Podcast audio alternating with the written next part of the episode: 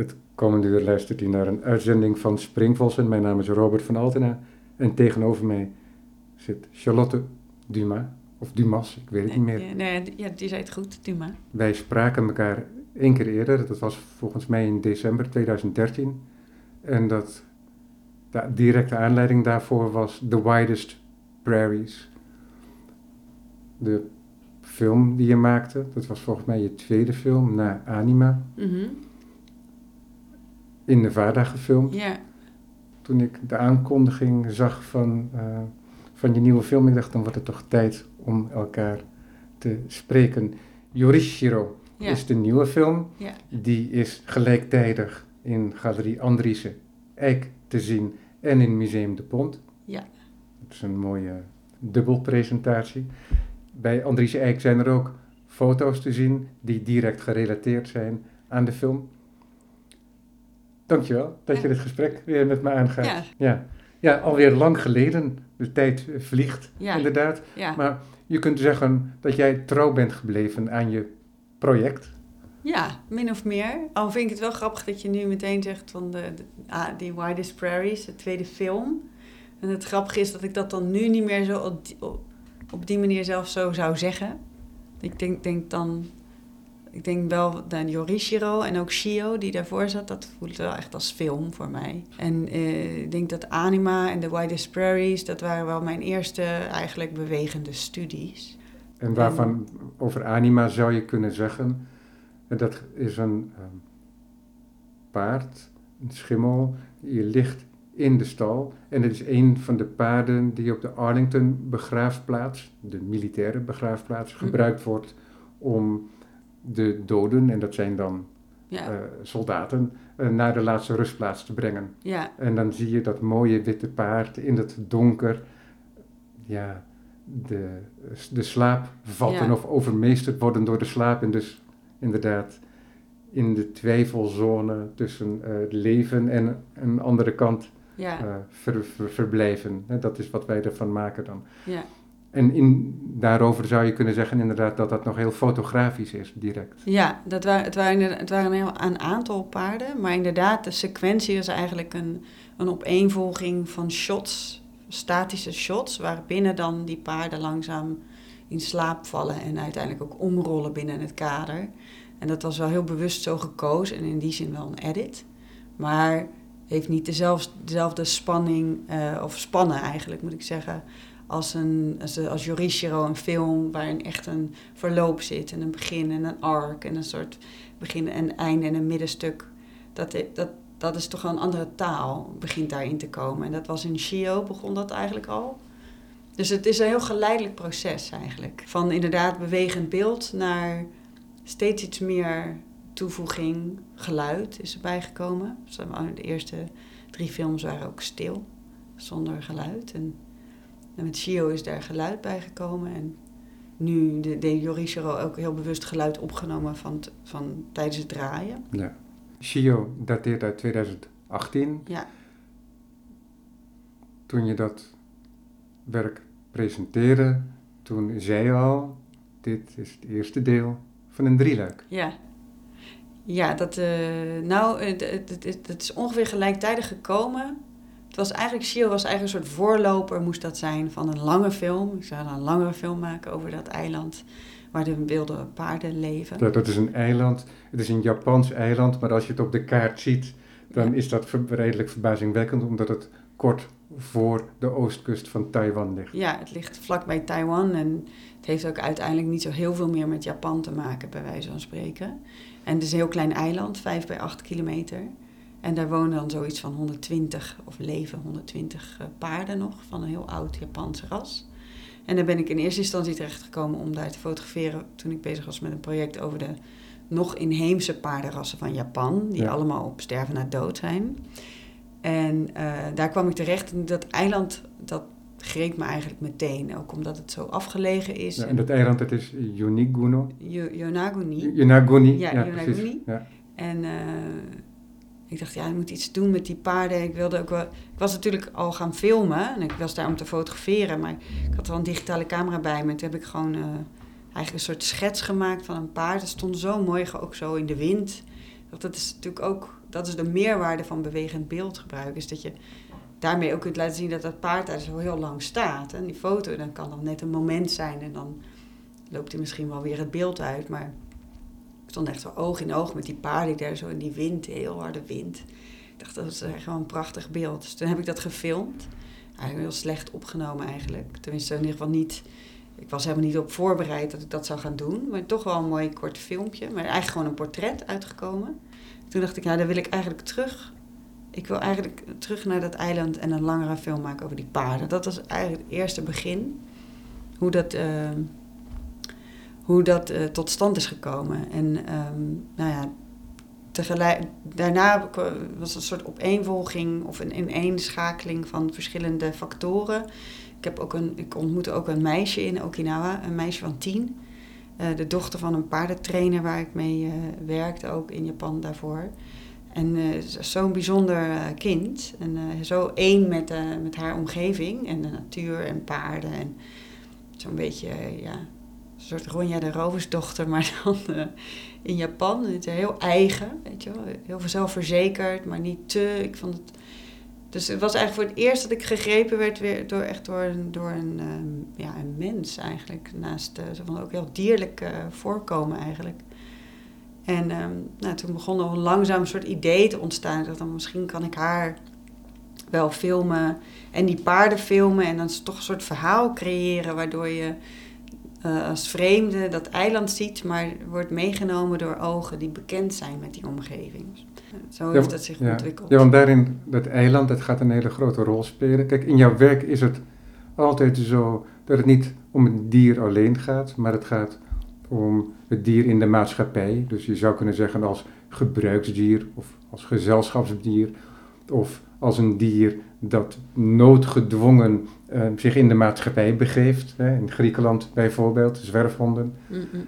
Maar het is altijd gerelateerd aan ons en niet, laten we zeggen, puur natuur. Wat Nee. dat ook mogen betekenen. Nee, wat er Nee, nog van over is. ja, precies, want wij vergeten ook wel eens dat wij uiteindelijk ook gewoon een dier zijn. Ja,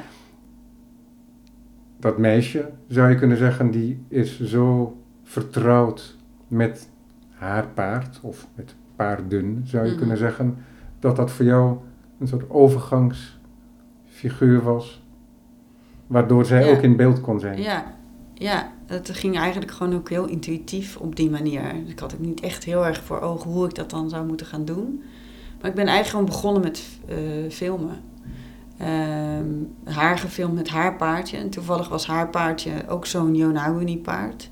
Dus dat kwam mooi uit. Het was een soort van hetzelfde paardenras. Mooie stevige paardjes met Ja, prachtige volle manen. Ja, maar ook heel rank eigenlijk. Het zijn van alle Japanse rassen die nog zijn, zijn Ja. het wel de meest delicate, maar, Ja. maar ook heel stevig. Ze zien echt uit als paardjes, maar ze zijn maar heel klein. Ja, ja, want ik wat heel opvallend vond, is, want ik zei zojuist stevig, maar tegelijkertijd is het ook zo dat de achterhand Ja. van deze beestjes bijna de, de achterhand zijn van een polopaard. Dus vrij rank inderdaad. Ja, Dus niet ja. wat je bijvoorbeeld bij een Shetlander hebt, dat voor- en achterkant even robuust en rond zijn. Nee, nee, en het grappige is, ze hebben dan best wel een vrij korte, brede nek inderdaad. En best een groot hoofd. Het, zit niet helemaal, maar het heeft iets heel... Wel echt een beetje een soort oervoorkomen, vind ik. Het is wel een beetje wat je je voorstelt bij de eerste paarden. Dat die zo waren. Een soort stevig en vooral sterk en klein en heel wendbaar. Ehm, dus, eh, nou ja, ik, ik ben begonnen om die paarden gewoon te filmen op dat eiland. Wat natuurlijk een ja, dat is altijd, eh, dat was heel erg vertrouwd voor mij. Gewoon um, ja, die, die, die dieren opzoeken en daar zitten en vastleggen. En er is ook weinig, ehm, ja, het is wel, je moet wel veel geduld hebben, maar er is, verder, is het niet heel moeilijk om dat te doen. Weet je, dat ik, het is gewoon ik en mijn camera en die beesten. Ja, maar je hebt toch, en daar ben jij jezelf bijna niet meer van bewust waarschijnlijk, je hebt toch je manier van doen en je manier van kijken, want anders zou de zoveel mensen zoveel gelijke beelden maken. En dat is natuurlijk niet zo. Nee, nee, dat is waar. Ja, nee, voor mijzelf, in, in, in Ja. mijn eigen perspectief, was dat, is dat een heel.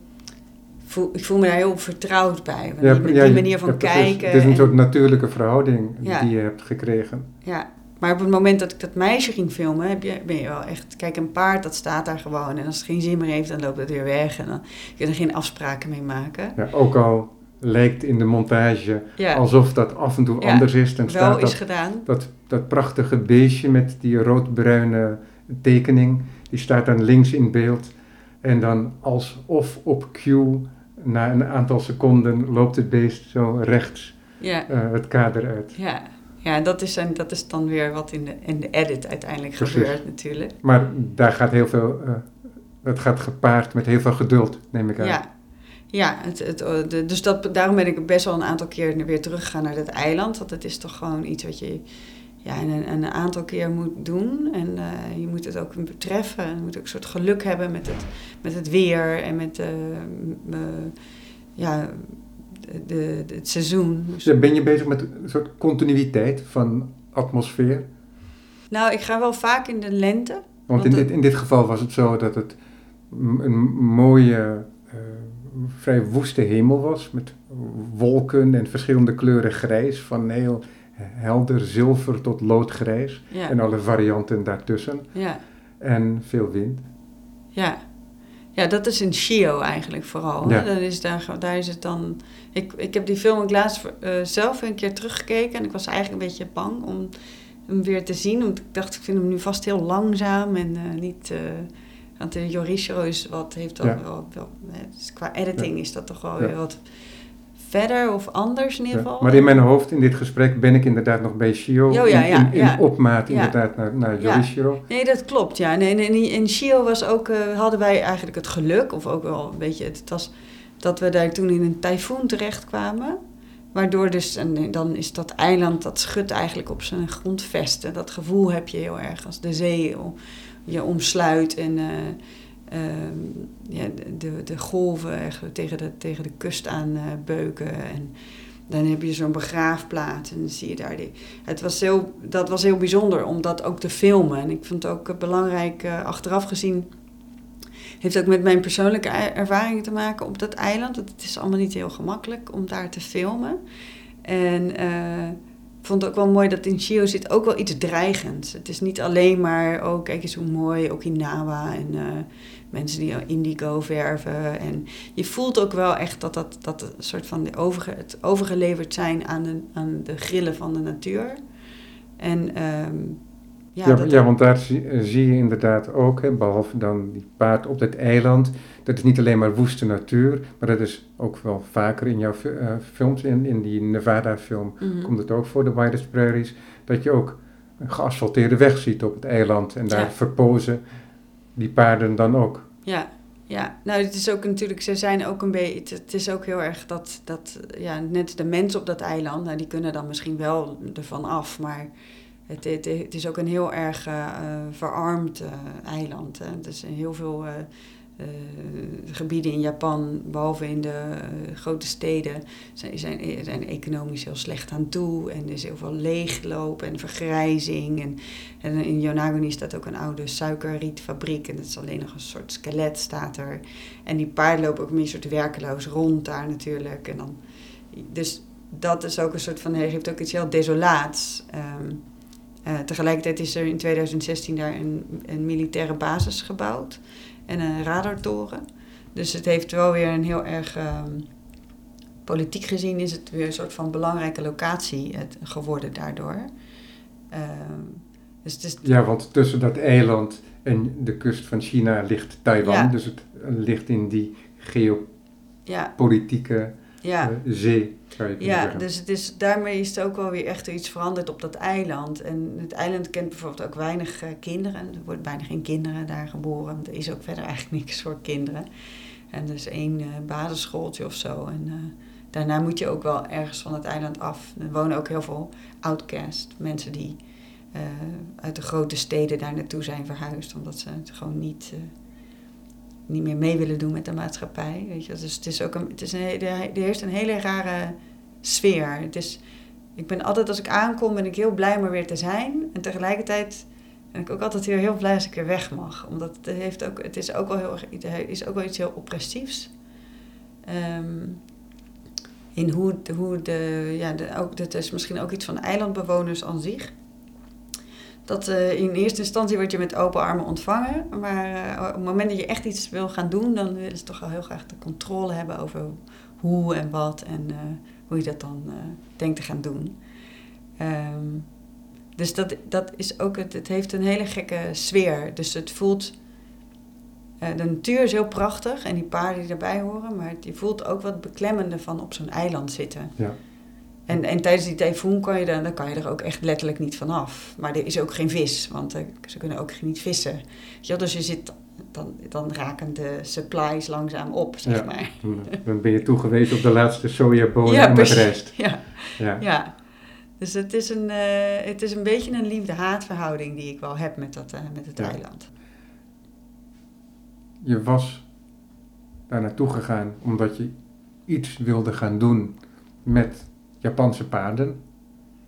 Je hebt nog geen specifiek idee. Hoe benader jij je onderwerp? Is dat vaker zo dat je met een soort algemeen idee ergens aan start en dan ergens in je achterhoofd ook wel de hoop hebt dat het specifieke zich vanzelf wel aandient? Ja, dat is wel ongeveer hoe mijn werkwijze. In principe ben ik wel van als je maar in motion blijft, als je maar in beweging blijft, dan. Uh, uh, uiteindelijk, want de serie over de, uh, de native horses of die inheemse paarden, is nooit mijn bedoeling geweest om een heel documentair project uh, op te zetten.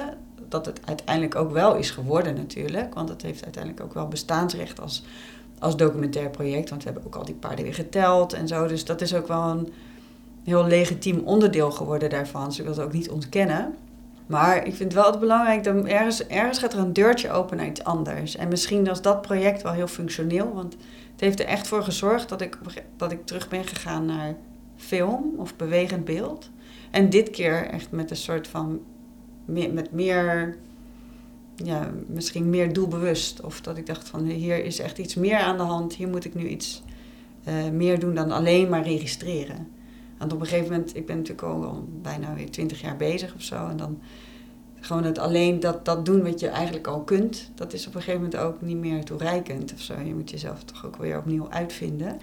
En voor mij was dat eigenlijk wel, uh, ja, dat was eigenlijk het, moment dat dat zich voor mij toch wel een soort van openbaarde aan, aan mij. Zo'n klein eiland is ook al een heel duidelijk afgebakend terrein. Ja. Het, is het, het onderwerp is in die zin ook fysiek. Ja, ja heel, eigenlijk heel overzichtelijk. Ja, ja exact. ja. ja, het is. Uh, het is uh, maar het tegenkomen van zo'n meisje met haar paard, dat is dan iets wat je inderdaad op je pad moet komen. Ja. En dat moet je ook herkennen natuurlijk. Ja, en dat meisje, dat moet dan, want dat meisje dat woont niet op dat eiland, dat woont gewoon in Okinawa. En dat is dan op, op mainland Okinawa. Dus het is niet heel ver daar vandaan, maar zij, zit, zij komt zelf niet uh, van Yonaguni vandaan.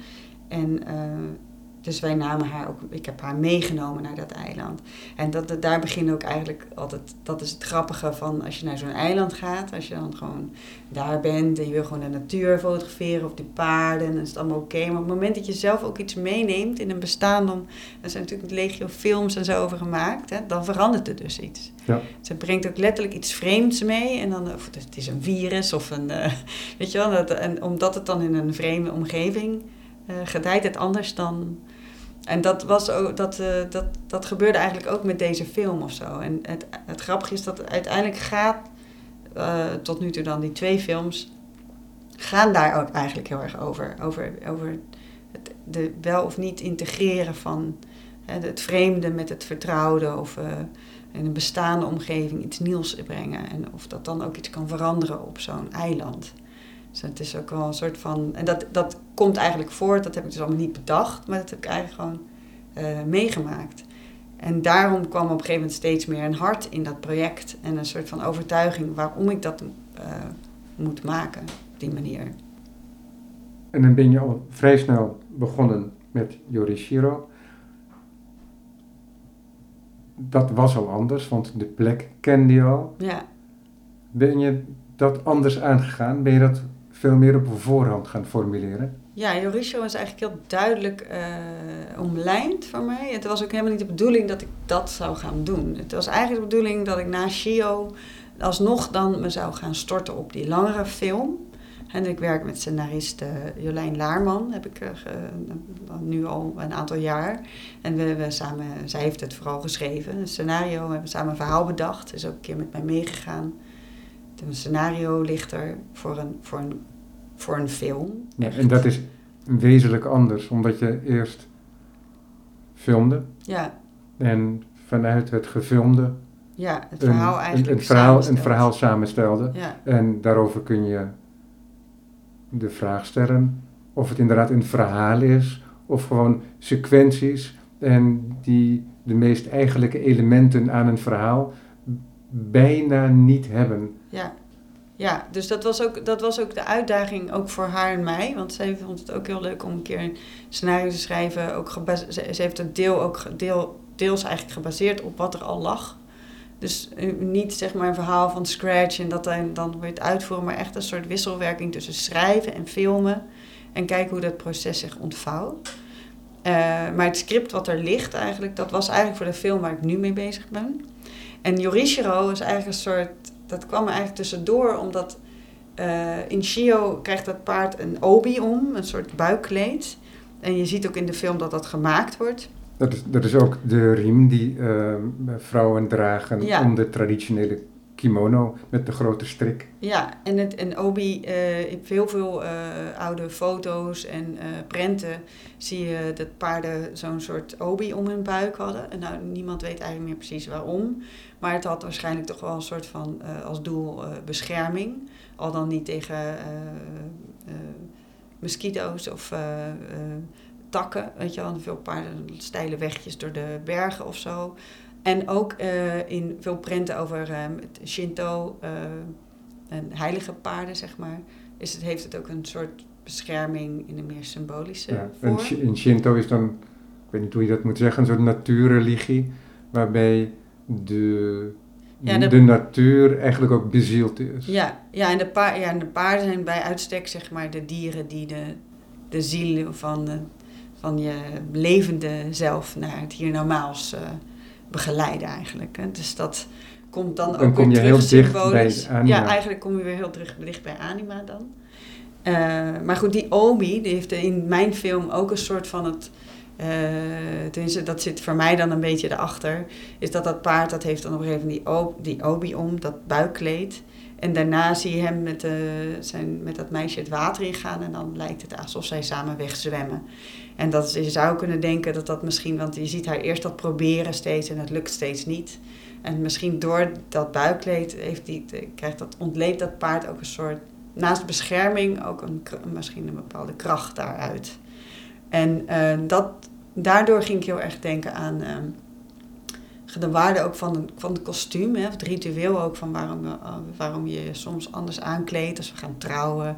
Hier in het Westen is het allemaal een beetje afgevlakt, maar eh, in Japanse cultuur en veel Oosterse culturen eh, is het natuurlijk eh, heel belangrijk dat je voor bepaalde ceremonies nou, heb je een ander kostuum en dat verandert ook iets in je eigenlijk en dan word je ook iemand anders. Als je, ehm, Dat is echt een formalisering ja, van een moment met uiterlijke kenmerken ook. ja, Dus- en, veel- dus en- soms en- in aankleding, maar soms ook inderdaad in handeling. Ja, en ook met misschien op een veel intrinsiekere manier dan alleen maar, zeg maar jezelf verkleden of zo. En eh, nou, mijn jongste dochter eh, Ivy, die toen ze vier was, eh, had ze, ik had een soort oud paardenpak, had ik ooit gekregen voor de geboorte van mijn oudste dochter. Nou, die heeft er nooit mee gedaan. Maar Ivy heeft op een gegeven moment dat pak aangetrokken en eigenlijk gewoon maanden niet meer uitgedaan. En zij, liep, zij gedroeg zich dan ook als een paard en liep heel de tijd erin rond en op de fiets. En ik vond het ook wel heel erg aandoenlijk. En het was wel een soort gegeven waar ik iets mee wilde. Ook gewoon het idee, hè, als een kind een eh, kostuum aandoet, dan veranderen, ze, veranderen zij ook daadwerkelijk in dat wat ze zijn. Of wat ze, wat zich voorstellen. En hun inbeeldingskracht is zo groot dat het niet, ik doe alsof. Nee, ik, ik ben dat. En, ehm, en samen met de, de, de, de ontwerpster die ook de Obi voor mij had eh, ontworpen en eh, gemaakt. Eh, want ik ging terug naar Okinawa om daar de film te laten zien, Shio. En toen had ik een gesprek met haar, want ik, ik bleef bij haar logeren. En toen zei ik, ja, ik heb al heel lang dat idee dat, eh, van dat paardenpak, dat meisje in dat paardenpak. Ik dacht, lijkt me zo mooi als je dan dat meisje in dat paardenpak, dat dat, dat reist door Japan en die komt dan uiteindelijk op dat eiland en die vindt daar haar familie. Want dat is wat ze wil zijn, of waar, dat is hoe zij voelt dat zij is. Nou, zij werd heel enthousiast en ik, ik had al eerder een keer een paardenpak laten maken, want ze groeide uit dat paardenpak. En, maar dat bleef toch een soort kostuum, te veel kostuum of zo. En opeens viel gewoon een soort kwartje. Ik dacht, ja, als Kita, die vrouw, die, uh, die ontwerpster, als zij het maakt van die stoffen in Okinawa, dan klopt het. Want, ja, dan want die stoffen waar je het over hebt, dat geverfde katoen en het verven van het katoen, dat zit ook in Shio. Ja. En we zien die doeken ook te drogen hangen aan lijnen. Ja. En het zijn stroken daarvan, de linten daarvan, die aan het paardenpak zijn bevestigd als manen en als paardenstaart. Ja, ja en dat, is, dat was ook een heel leuk proces om samen met haar dat pak te ontwerpen. Want de, de stof, de soort fur, de vacht, dat hadden we vrij snel, want die had zij. Het is een heel mooi uh, soort van zachte stof. Maar die manen was nog heel was eigenlijk een beetje een probleem. Hadden we eigenlijk een ander idee voor. Maar dat werd het. En toen heeft zij uiteindelijk verzonnen om daar gewoon een soort van gescheurde repen van de stof. In dezelfde kleur en dezelfde stof eigenlijk weer als die obi. Dus dat komt dan ook weer terug. Ja. En uh, toen dacht ik, ja, dan is dat pak ook veel meer. Dus eigenlijk die hele film is eigenlijk gebaseerd op uh, het gegeven dat Ivy dat deed. Zo rondlopen in dat paardenpak. Maar eigenlijk nog, nog meer zelfs op het kostuum zelf. En wat dat, hè, dat het ook weer iets is wat haar soort bescherming geeft, dan letterlijk haar omhult. Uh, maar haar ook transformeert. Waardoor zij ook de mogelijkheid heeft om zichzelf uh, ja, te of dat zij verandert eigenlijk. Ja. In de... ja, want zo werkt het ook op de kijker. Want we zien documentair beeld en het is dan ook voor het eerst dat je echt sequenties schiet. Hè, van een ja. taxi die in beeld komt en, en een scène in de taxi. Dus er is een heel duidelijk verhalend element in het werk gekomen, wat niet in ander werk zit, of maar heel schoorvoetend. Ja. Maar omdat dat meisje met dat paardenpak, met die linten, zo beweegt in die omgeving voor een automaat waar drankjes of snoepjes aan ontrokken worden. En daar zit zij dan bij. Zij is deel van die omgeving, van het alledaagse beeld. En tegelijkertijd um, staat zij er ook buiten, waardoor mm -hmm. dat beeld en, en documentair is en tegelijkertijd fictie. En dat ervaar je als een hele natuurlijke ambivalentie. Dus het is een, als een gewone uh, situatie. Ja, ja, en zij, het grappige is dat zij eigenlijk in die film ook als een soort zwerfpaardje door dat urbane landschap heen beweegt. En dat bijna niemand kijkt naar haar om eigenlijk. Of mensen, als ze het wel doen, dan weten ze ook niet zo goed wat ze ermee aan moeten. Maar ze heeft een heel, ze heeft eigenlijk net als het Japanse meisje, want daar zit dan wel een soort, uh, ook een link. Zo heel eigen, en heel erg in haar eigen identiteit dwaalt zij er doorheen. En je voelt dat zij daar niet hoort. En tegelijkertijd uh, kan ze zich daar heel makkelijk door bewegen. Ja. ja, dat is interessant, want in de theaterwereld heb je heel vaak, in de theaterstukken, heb je heel vaak een personage mm-hmm. die een soort katalysator is. Die zich niet per definitie, die niet per definitie geraakt wordt door de conventies waar de hele omgeving wel door geraakt wordt. Ja. En doordat die ene figuur daar doorheen loopt, worden die conventies bevraagd. Ja. En waardoor je die, die hele gebruikomgeving anders gaat zien. En dat is ook het geval met de twee meisjes in beide films. Ja, ja dat is eigenlijk, de, je zegt het precies goed inderdaad. Want als ik, ik merk dat als ik bijvoorbeeld uh, aanvragen moet schrijven en ik probeer uit te leggen waar het dan over gaat, vind ik dat heel lastig om het allemaal in woorden zeggen. Maar dat ik daar altijd op uitkom, is dat ik zowel dat Japanse meisje als Ivy eigenlijk in deze film, zij onttrekken zich ook aan de bestaande systemen en, en, en, alles wat maar zo wordt opgelegd. En zeker in Japanse cultuur heel erg aanwezig is. Al dan niet uh, onderhuids, maar uh, überhaupt natuurlijk in elke maatschappij. En dat, dat, die eigenheid en dat soort autonome karakter, van wat natuurlijk ook die paarden hebben, want die zijn zich ook helemaal ja, wars van wat er allemaal gebeurt op dat eiland. Ehm, dat is iets wel wat, wat eigenlijk nu, waarvan ik merk dat dat heel erg, eh, dat dat heel erg aanwezig is en steeds terugkomt eigenlijk. Dus dat is toch wel een belangrijk, belangrijk uitgangspunt voor Ja. mij. Ja. En dan is het ook zo dat die linten aan dat paardenpak, die doen enigszins ook denken aan die linten die je wel eens ziet binnen Shinto-ceremonies. Ja, Dus er, er hangen overal vaak wel van die sliertjes aan en zo. Ja. Maar goed, daar moest ik aan denken. Maar ja. ja, het grappige is, en dat kan ik dan vast eh, al verklappen of zo, maar dat in de, voor de derde film, daar eh, heb ik al een, een deel voor opgenomen eigenlijk. Of in ieder geval wat dingen gedraaid vorig jaar. Ehm, ik weet nog niet of het erin gaat komen of niet. Maar uiteindelijk eh, zit daar zit weer een ander meisje in. En ehm, zij, die, je ziet haar op een gegeven moment eh, op dat, in dat atelier waar dat pak ook ooit gema- gemaakt is. eh, zie je haar lopen, waar dat, dan zie je dat pak ook liggen. Dus het is een soort, zij raakt dan die manen aan van dat pak.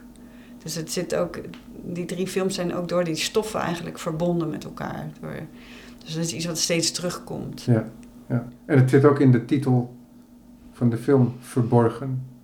Ja, Yorishiro. Yorishiro, ja. Dus, eh, Omdat een Yorishiro, als ik het goed begrepen heb, dat is een soort object dat bezield kan worden Ja. door een geest. ja, natuur, Of- god of, ja, geest. precies.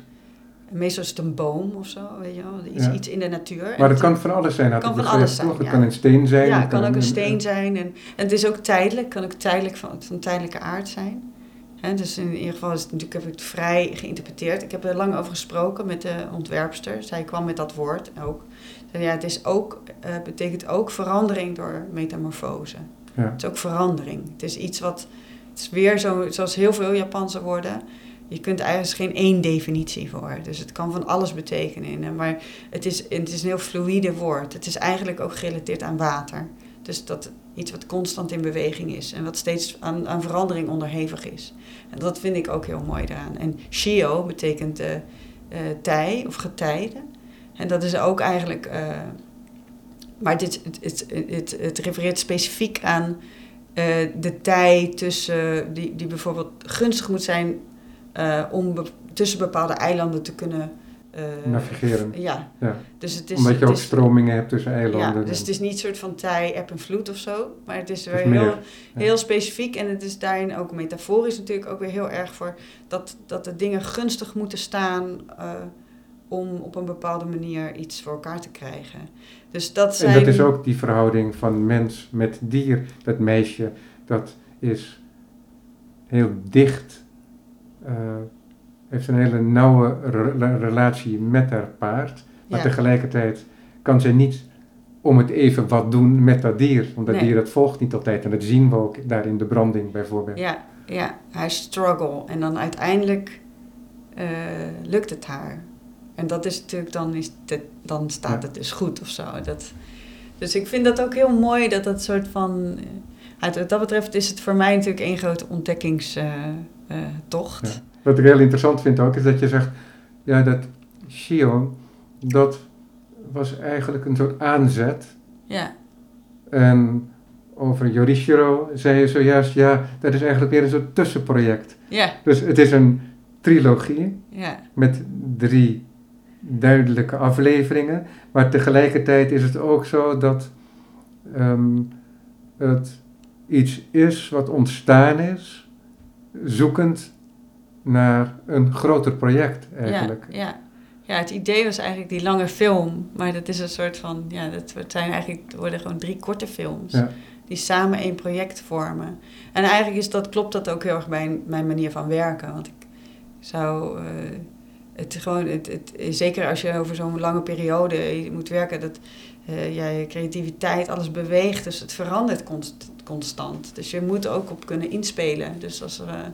eh, heel conventioneel gezien, je hebt een script en je gaat het eh, filmen, dan is er natuurlijk wel wat ruimte voor interpretatie en improvisatie. Maar uiteindelijk, eh, zeker als je met een hele grote crew werkt, kun je niet gewoon opeens zeggen van jongens, we, we gaan nu, we doen het even helemaal anders. Maar doe je dat of ben je dat van plan? Om op die manier te gaan werken, ik weet, ik heb, ik weet het niet. Ik weet niet of ik dat, misschien dat ik me daar uiteindelijk wel in kan ontwikkelen. Dat ik daar wel op uitkom. Dat ik op een gegeven moment heel goed voor ogen zie van, nou, maar nu heb ik een project uh, waar, ik, waar ik wel op die manier misschien mee aan de slag kan. Maar ik merk wel dat ik het heel prettig vind om op deze manier eigenlijk een soort van in de luwte dat project te kunnen ontwikkelen. En steeds eigenlijk een stap terug te kunnen doen en zeggen: Oké, ik heb nu dit, kijk ernaar, hoe ga ik er nu mee verder? En toch blijft het, uh, dan is die eerste film, Shio of Yorishiro, zijn toch op zichzelf staande projecten. Dus ze hebben elkaar niet in die zin nodig, maar ze vullen elkaar wel aan. En dan, nou, nu heb ik wel het idee, als ik nu met die, nu met die derde film, no pressure. ik heb natuurlijk, ik maak het wel last, nu maak ik, maak ik wel dat ik het lastiger maak voor mezelf natuurlijk. Want, nou oké, okay, nou, dus die derde film moet echt... Uh, ja, moet, moet dat ook een afsluiting zijn bijvoorbeeld? Daar moet, ja, maar dat is natuurlijk wel zo. In die derde film wordt wel iets ingelost. Maar het kan, hè, dus uh, Yorishiro is ook heel li best licht in, in opzet en heel toegankelijk. Misschien wel het meest toegankelijk van uh, de drie films. Ook al weet ik nog niet hoe de derde precies wordt. Ja, je hebt ook inderdaad, dat meisje beweegt er dan doorheen met dat paardenpak. Er is ook een ontmoeting uiteindelijk met de paarden op het eiland. Maar in een heel vroeg stadium, als het meisje nog niet eens op het eiland is, is er al een suggestie van een soort parallelmontage tussen een veulen dat voor een rots ligt ja. te slapen, te dommelen en het meisje. Ja, ja. Het is ook gewoon heel lief, een lieve film geworden. Het, is ook het, het mag ook. Het is een soort. Je kunt je ook echt een beetje tegenaan uh, schurken, zeg maar. Het is een. Uh, het, ook, het, gaat ook over kwetsbaarheid natuurlijk en, en opgroeien en uh, wat het is voor, voor kinderen of jonge mensen nu om op te groeien in een soort wereld met waar alles verkeerd lijkt te gaan en kapot lijkt te gaan. En, ik bedoel, ga er maar, ga er maar aan staan. Maar, um, en dat, dat dat dan toch, dat dat ook onze je merkt ook gewoon dat in de maatschappij zelf nu mensen heel een hang hebben om weer terug te keren en een connectie met de natuur zijn we helemaal kwijt natuurlijk. En het, is van evident belang. En dat idee wordt nu natuurlijk nu ook wel heel duidelijk dat wij gewoon, wij zijn daar, we staan daar niet van af, wij zijn daar onderdeel van. Dus wij kunnen onszelf daar niet aan onttrekken. We doen ook gewoon mee. En weet je dat de natuur, uh, wat daarin gebeurt, dat, dat uh, heeft effect op, op ons. En op ons leven en op ons bestaan en voortbestaan. En hoe we daarmee omgaat. En, en uh, ja, mijn ervaring is toch met kinderen. En zeker nou in mijn film dan met het Japanse meisje, maar ook met Ivy. Dat die relatie gewoon nog heel ja, heel vanzelfsprekend aanwezig is. En heel evident eigenlijk. Uh, zonder al te veel gedoe. En uh, ook niet uh, hoeft te worden opgehemeld als iets wat een soort van een hogere staat van zijn impliceert of zo. Het is gewoon eigenlijk heel wezenlijk. En dat is wel iets waar ik ook steeds naar terug ga. Want het is eigenlijk een heel wezenlijk gegeven dat we een relatie moeten hebben met dieren die anders zijn dan wij. En dat het gewoon onontbeerlijk is eigenlijk om uh, voor ons voortbestaan. Dus dat zit er allemaal wel ook wel onder. Maar het leuke aan Yorishiro heb ik echt met heel veel plezier gemaakt. En was ook een soort gamble. Uh, omdat uh, ja, naast de paarden en het eiland we werken ook nog met een vijfjarig meisje.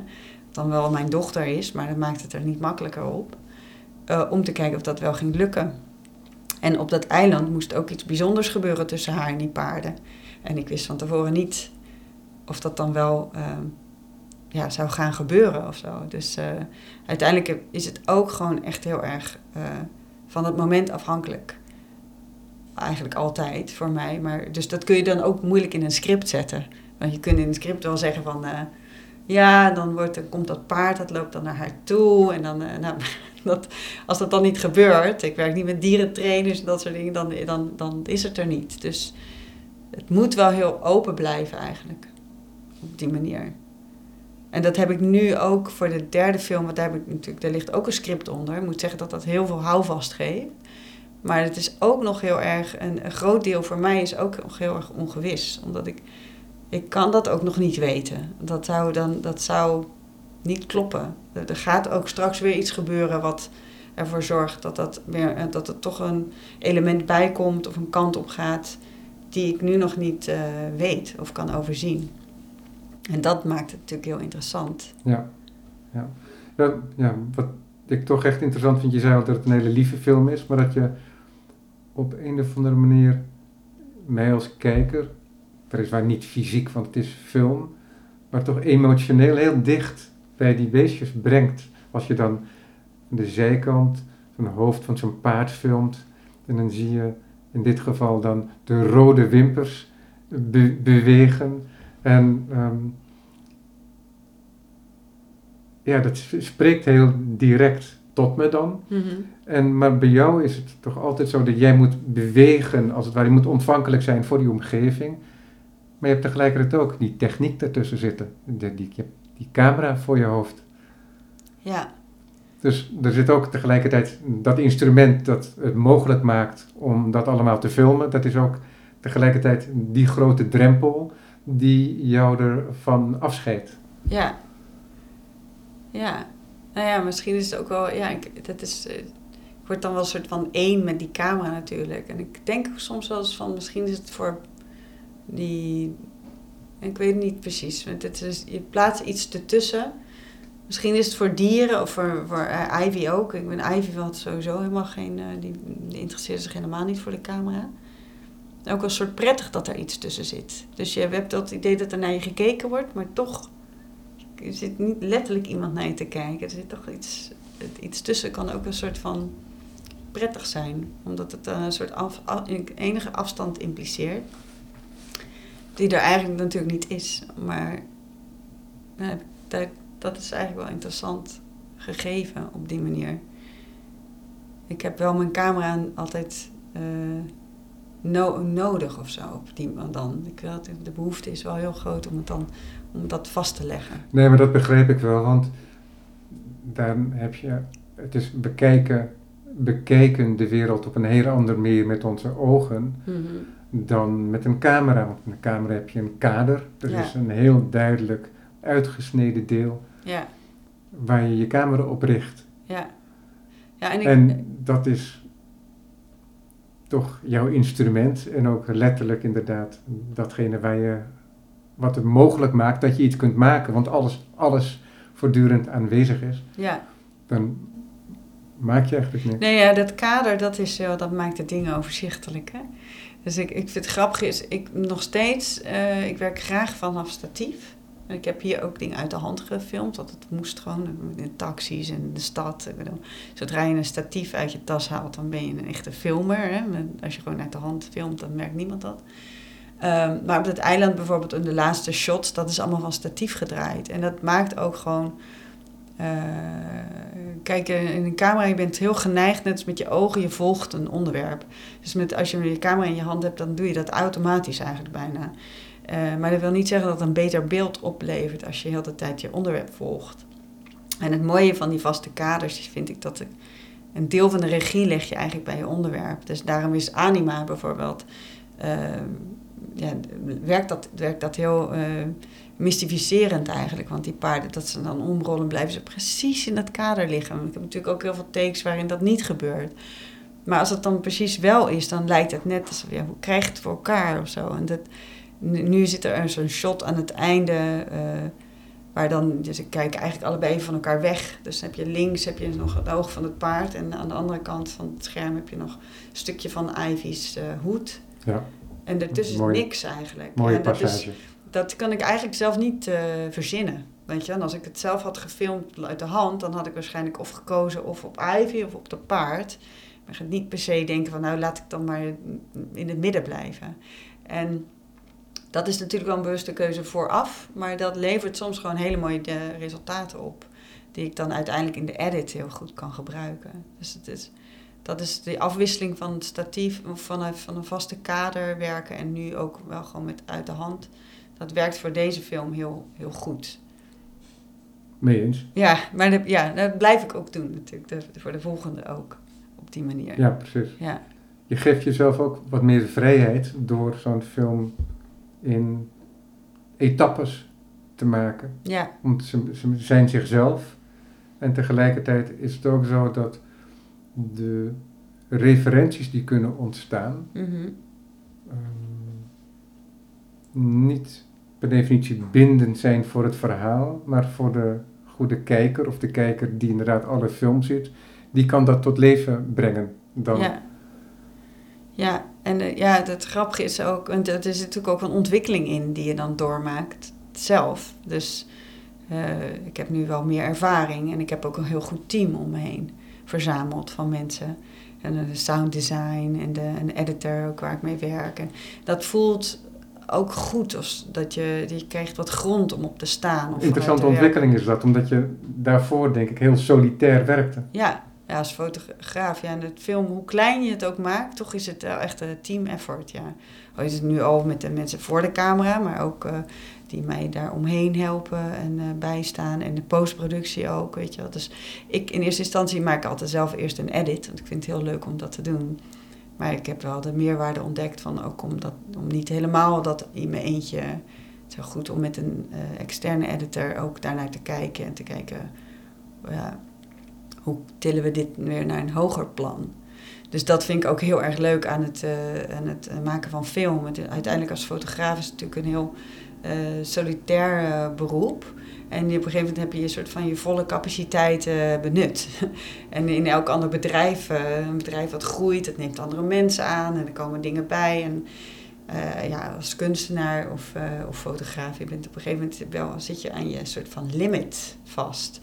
En de samenwerking met anderen maakt dat dat, dat openbreekt. En dat kan ook zijn doordat je een boek maakt met een, met een vormgever. En daar zit het al in natuurlijk. Maar met film is het wel echt een, een combinatie van creatieve geesten die elkaar beïnvloeden. Wat, wat, heel, wat ik heel erg leuk vind. En het ook heel complex maakt natuurlijk. Ik begrijp heel goed waarom grote filmproducties, waarom daar van, van alles altijd misgaat. Omdat het is nogal intens om op, die manier met elkaar te werken.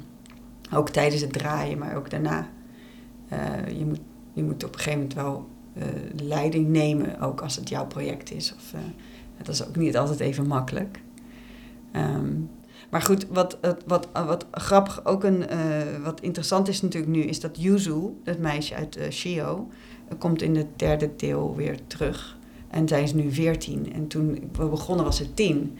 Dus zij is een enorm, eh, zij is eigenlijk gewoon een jonge vrouw nu al. En, eh, eh, en het meisje wat nu in de derde film, eh, nieuwe meisje, is 10. En dat is dan eh, mijn oudste dochter. Ehm, en dat maakt ook.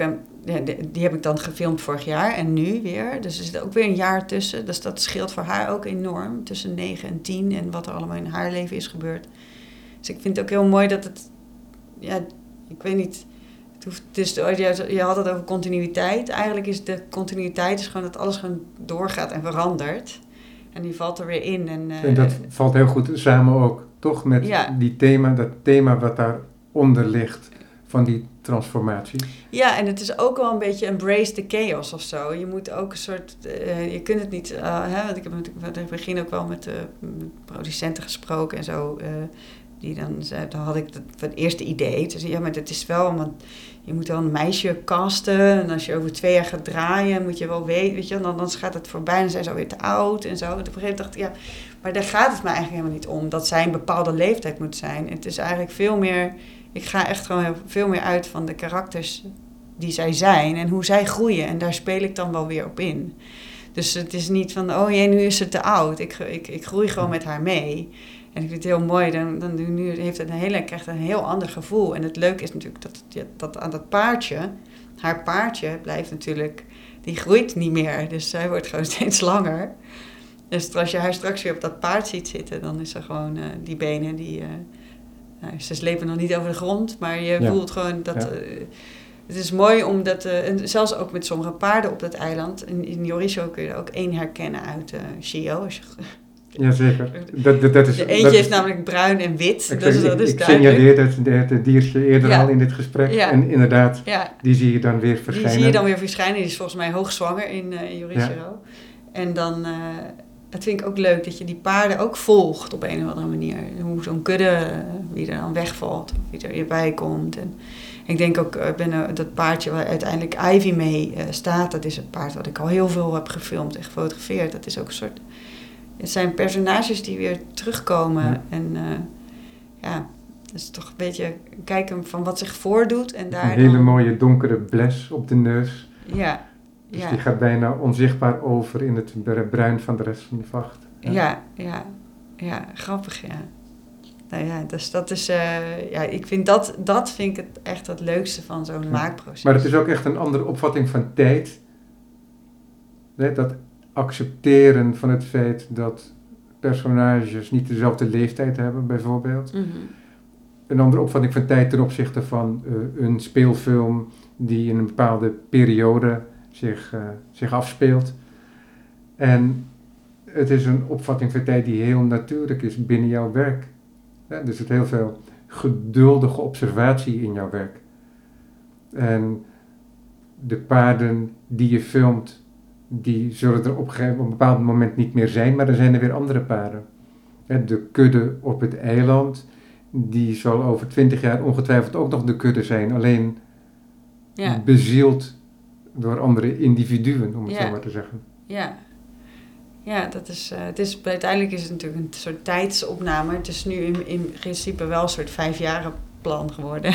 of tenminste, tussen het begin van filmen en wanneer ik hoop klaar te zijn, ben ik dan toch wel vier jaar mee bezig eh, geweest. Of, eh, dus het is wel dat ik denk, oh ja, dat, hoe heeft het zo kunnen uitgroeien? Weet je wel? Ja, zit ja. ik. Ja, maar dat gesprekken met die persoon Ja. de casting, dat is, als het nog niet helemaal duidelijk is, dat is toch heel typerend, omdat jij toch gewend bent in je werk, Hm, en het is eigen aan je werk, om omstandigheden, om gebeurtenissen, om ongelukjes te accepteren ja, binnen je werk. En daarna kan je altijd nog selecties maken, maar soms is het zo dat een ongeval als het ware een eh, gelukkige product oplevert. ja. Maar daarom is het denk ik ook wel belangrijk dat ik...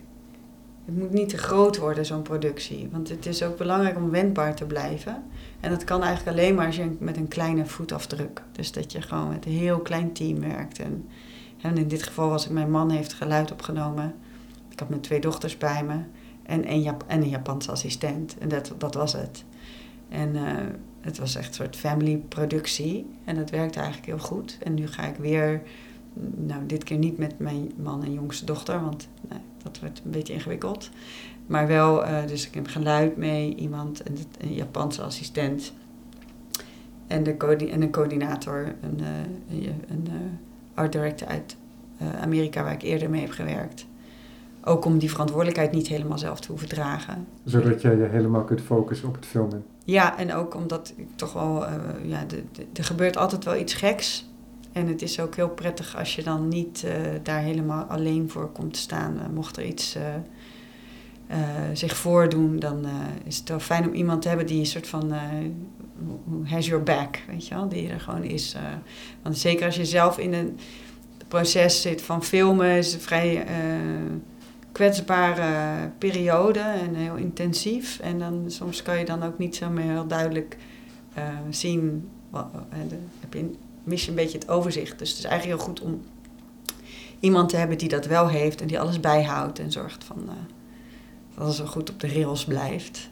Dus maar we zijn nu ook met, eh, dus we gaan met vijf vrouwen eigenlijk in de leeftijd van eh 10 tot 45.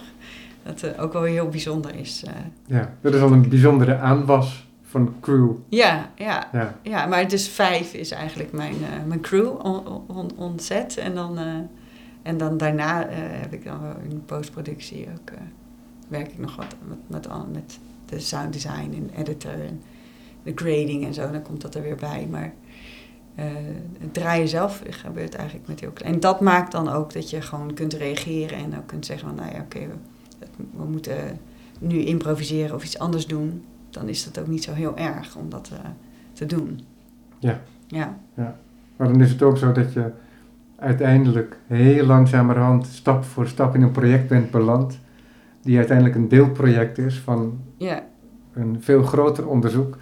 Wat misschien doelbewust ook een veel te groot onderzoek was. ja, Dat idee van het filmen, van het filmen op een of andere manier van het Japanse paard. ja. Ja, het is dus helemaal, het is eigenlijk, het is zelfs zo dat het, eh, de paarden zijn natuurlijk nog wel steeds belangrijk, ook in Yorishiro. Maar het zou heel goed kunnen dat ze in die derde film een veel meer supporting role hebben. Dan dat ze, het gaat veel meer over die relatie tussen die twee meisjes. Dus de aandacht heeft zich ook echt verlegd. Maar ik heb denk ik wel die, die drie films nodig om dat te doen. Zeg maar. Dus ik kon niet van, van het een op het andere moment. Ja. moment. Ja, maar ook voor jouzelf. Dus niet alleen binnen de film, Nee. maar ook voor jou als maker. Ja, ja. Dus dat is zo, en dat is natuurlijk, dat zou ik dan niet in één film hebben kunnen doen, denk ik. Ja. Wat wel heel gelukkig is dan voor mij als toeschouwer, is dat ik, dat ik die transformatie, ook van jou als kunstenaar dan, hè, dat je iets anders waagt als het ware, dat ik dat binnen zo'n trilogie zelf kan volgen ook. Ja, ja. Ja, dat vind ik dus, maar goed, ik weet helemaal niet of dat gaat werken, maar dat vind ik dus, dat, kijk, ik ga deze zomer, laat ik eh, de twee films die er nu zijn, zien bij de Fondation Hermes in Tokio. En dat is al een goede try-out natuurlijk, om te zien hoe die twee films zich verhouden als je ze tegelijkertijd niet in successie, maar gewoon als ze allebei in een eigen projectie eh, te zien zijn. Ja. Dus dat je, dan ga je die verbanden ook zien tussen, de, je kan het eiland herkennen, maar er zit ook eh, het naaien en de naalden komen terug in Yorishiro. En dan, dus dat is een soort try-out. En dan uiteindelijk is de bedoeling dat die drie films samen in een soort, ja, toch een installatie te zien zijn. En als je dan daar geduld voor hebt en je wilt zien, dan heb je toch, zit je toch een uur eh, naar een film te kijken. En dan maakt het mij eigenlijk niet zo heel veel uit of je dan begint bij het einde of bij het begin. Of dat, dat, dat, dat heb ik dan zo in mijn hoofd, dat ik dat heel graag eh, wil realiseren. Maar dan moeten we even kijken hoe dat, gaat, eh, hoe dat uitpakt natuurlijk. En wat, wat, hoe, hoe het publiek daarop reageert. Maar dat is wel de, Ja. de bedoeling. Je filmt dan, maar in de galerie zijn ook foto's te zien. Ik had de indruk dat die foto's heel duidelijk gemaakt zijn in relatie tot de film. Dus dat er als het ware scènes uit de film zijn bevroren in een fotografie. Mhm. Is dat ook zo? Ja, het zijn, het zijn zelfs echt letterlijk stils uit de film. Dus, eh, eh, maar het, eh, in de, de beelden die er in de galerie hangen, sommige zijn letterlijk, komen ook daadwerkelijk voor in de film. En sommige zijn wel van scènes uit de film, maar die beelden zitten eigenlijk niet in de film. Dus ze zijn van andere takes die niet in de film zijn gekomen, maar je kunt wel de, de setting herkennen, maar het beeld zelf zit er niet in. Dus dat vond ik uiteindelijk toch wel mooi, omdat als een soort, ja, daar, daarin komt dan toch de fotograaf naar. Uiteindelijk vind ik het dan ook heel erg leuk om juist die stil, stille beelden te kiezen. En een soort van de intimiteit die daarin zit, om weer, weer terug te brengen naar het ene beeld. Dus het, eh, ja, dat, was, dat was in deze setting vind ik dat wel eigenlijk wel heel mooi, eh, een toevoeging daarbij. Begrijp ik. Ja, In de pont is het tot begin maart te zien. Eh, nee, nee, tot 9 Dacht ik. februari. 9 februari. Ja, Oh, en dan heb ik het omgedraaid. Ja, dus en, in, eh, in ja. de pont tot 9 februari en tot en met begin maart ja, 7 maart geloof ik. In, in eh, Galerie Andriessen Ja. Eik Ja, aan de Lelygracht in Amsterdam. Ja, en het grappige is, ik heb vanochtend heb ik, de film in de klas van Ivy laten zien. Dat is ook heel erg leuk, want het zijn vijfjarige kinderen, vier, vijf. En eh, het is natuurlijk best een eh, eh, lange film met heel veel stille shots. En het ging, maar het ging heel wonderbaarlijk heel erg goed. Het was heel erg leuk om, om te zien hoe dat dan werkt met een jong publiek, wat zeg maar gewend is om naar Paw Patrol te kijken. Nou, dat, Ja, dat zegt maar niks, Nee, maar, in, maar in ieder maar geval dat- veel gewoon- korter. eh, kortere Heel veel mensen waarschijnlijk wel. Gewoon, gewoon, de, gewoon de echte cartoon, zeg maar. Die heel de tijd alles op scherp zetten. En vond wel heel erg leuk. Dat was misschien wel heel, dat was wel heel waardevol, vond ik, om, om te doen ook. Het is een soort- dat, om te zien ook ja, wat dat doet bij, bij het publiek. Wat, wa- wat zich kan identificeren met het meisje in die film. Goed. Charlotte Dumas. Dumas, Ja, dankjewel voor dit gesprek. heel graag gedaan. En we zien uit dus naar dat derde deel. Ja, ja. no pressure.